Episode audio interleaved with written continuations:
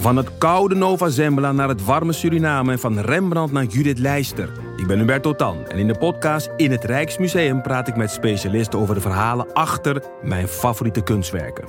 Nieuwsgierig? Beluister nu de nieuwe afleveringen. Luister jij al naar de podcast Co en Zo? Ik ben Rick Paul van Mulligen. Ik ben Nina de Lacroix. En samen met jouw man René voeden wij twee kinderen op in twee huizen. Co-ouderschap. We hebben het over alles wat je daarin tegenkomt. Maar ook over de juice tijdens onze kinderloze dagen, want die heb je ook in het co-ouderschap. Een podcast voor alle ouders in alle vormen, maar ook voor alle mensen zonder kinderen. Zijn we eerlijk, heerlijk herkenbaar. Dus luister naar Co en Zo in je favoriete podcast-app.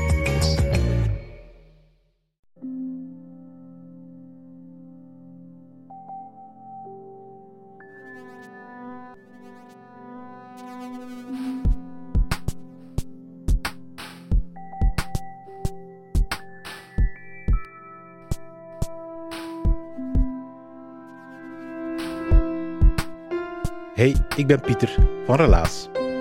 In Relaas vertellen mensen waar gebeurde verhalen die ze zelf hebben meegemaakt.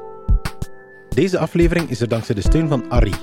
Hij werd vriend van Relaas via onze vriendvandeshow.be slash relaas. En Arrie, dankzij jou kunnen wij dit relaas van Erik straks gratis brengen.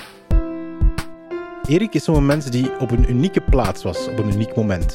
Een plaats waar wij als platte stervelingen normaal gezien niet zomaar kunnen zijn. En dat maakt ook mee dat hij daar de gekste dingen heeft gezien die hij helaas niet voor zich kan houden. En wij vinden dat helemaal niet erg om daarna te luisteren. Wij mogen er getuigen van zijn. Erik vertelde zijn relaas in november van 2022 in Gent.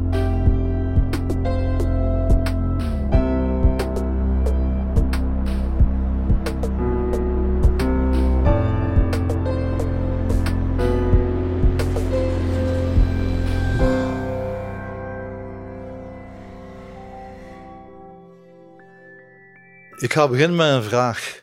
Uh, weten jullie wat dat commiezenespen is?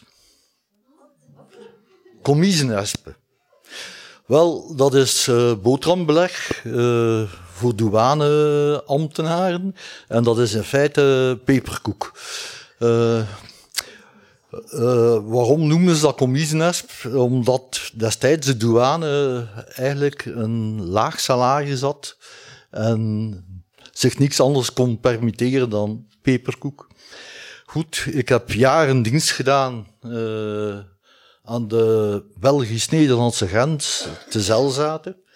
En ja, daar viel wel af en toe wat te beleven.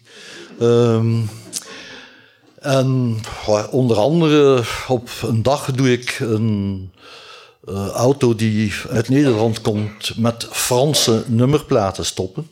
Daar zit zo'n pastoor in, uh, nog gekleed met een jurk. Uh, ze noemen dat een soutane, denk ik. Ja, meneer pastoor, iets aan te geven? Nee, nee, nee. zou ik willen uitstappen? Handschoenen, hand ja, hoe noemt dat? Dat, kastje in, in een auto opzij, dat open gedaan. Wat ligt er daarin? Een GP 9 mm, dus hetzelfde voor ons dienstwapen. Uh, ja, uh, ben je al raar te kijken. Uh, goed, ja, we gaan verder kijken. We doen de koffer open. Nou, dat wapen eerst veilig gemaakt, dat de kogels daaruit waren. pastoor mee naar zijn koffer. ja, koffer, dozen. Het leven van de heilige Maria, het leven van de heilige Theresia. Nou, doos eruit. Playboy. Penthouse. Ja, goed. Uh, ja, dat vonden we dan wel heel raar. De pastoor mee binnengenomen.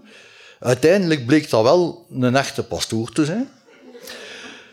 En die woonde in Tourcoing en er waren nogal veel van zijn uh, parochiaan. denk niet dat het eigenlijk parochianen waren. Dat was wel van een ander geloof waren, maar goed. Uh, uh, die daar in zijn buurt woonden en die naar Nederland op reis gingen om bepaalde zaken te kopen die, te kopen die ze drugs noemden. Hm.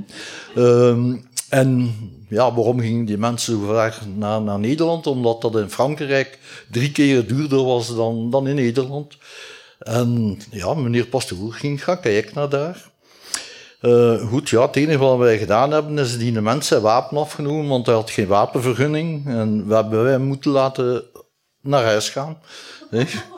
Uh, maar ja, dan op een andere dag wandelt er daar iemand heel schichtig de grens over.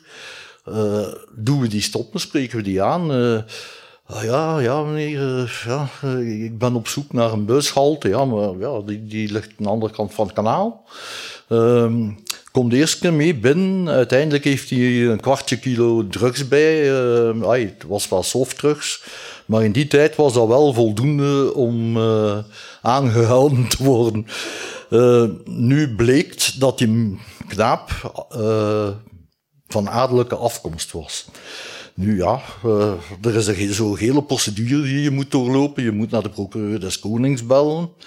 En uh, die man zei, ja, je moet contact opnemen met uh, de Rijkswachtbrigade van zijn woonplaats. Ja, ik getelefoneerd naar die, die Rijkswachten, die nu ook niet mijn beste vrienden waren. Maar goed, uh, de commandant van de Rijkswacht was blijkbaar geweldig geamuseerd dat we die knaap gevat hadden.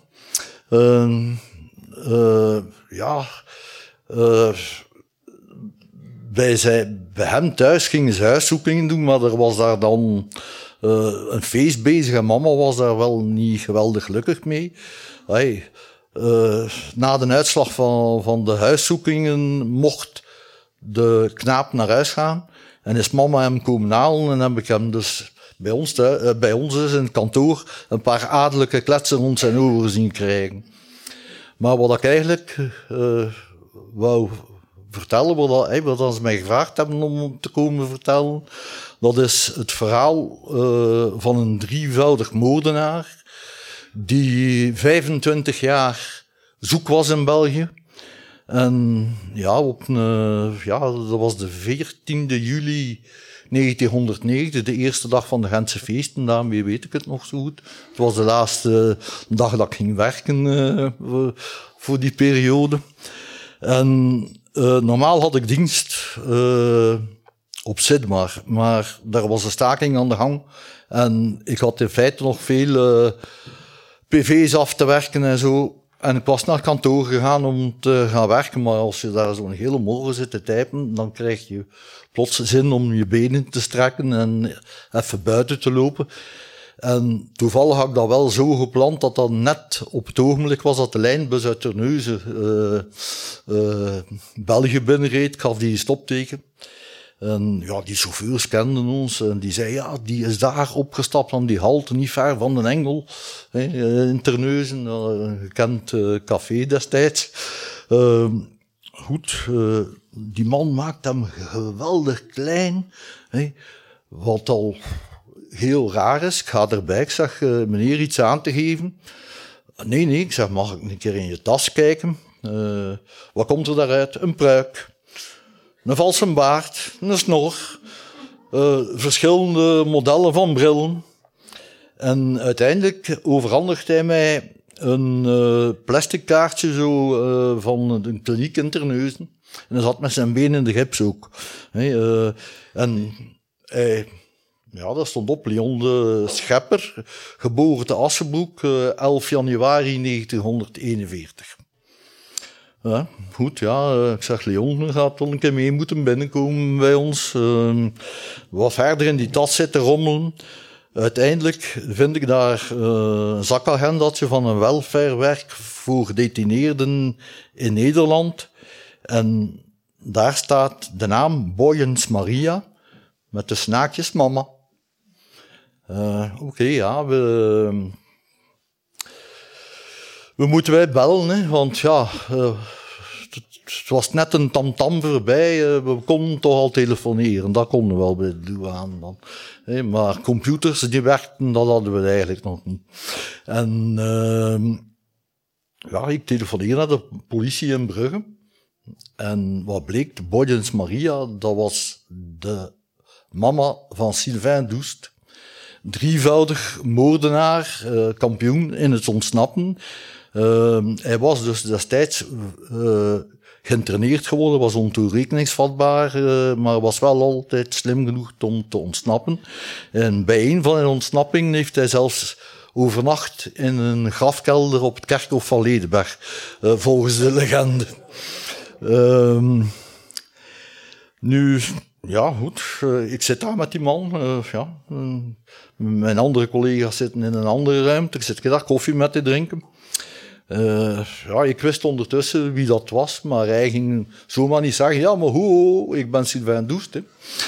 Dat, dat, dat, ging nooit gebeuren. Leon, nog een potje koffie. Verder was het een babbel over koetjes en kalfjes. En uiteindelijk zei ik: Sylvain, pot koffie? Ja, zei ik. Ah, man, ik heb jou.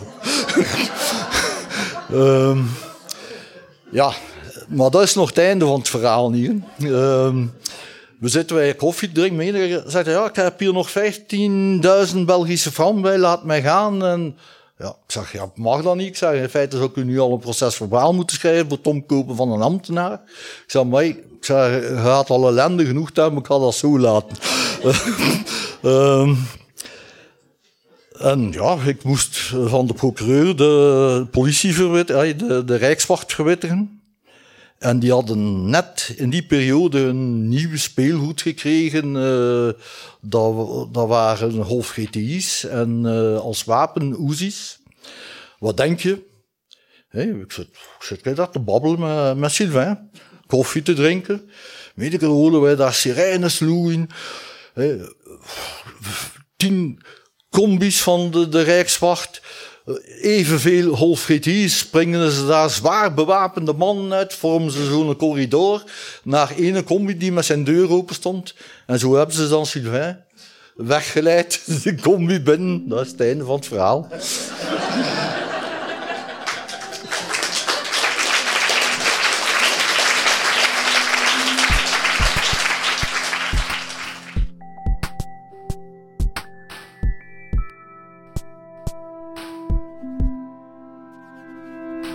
Dat was het relaas van Erik. Hij heeft het verteld in november van 2022 in Huset in Gent. Als je zelf graag eens op een relaasvertelavond bent, dat kan altijd. Wij doen van relaas in Gent, Antwerpen en Brugge.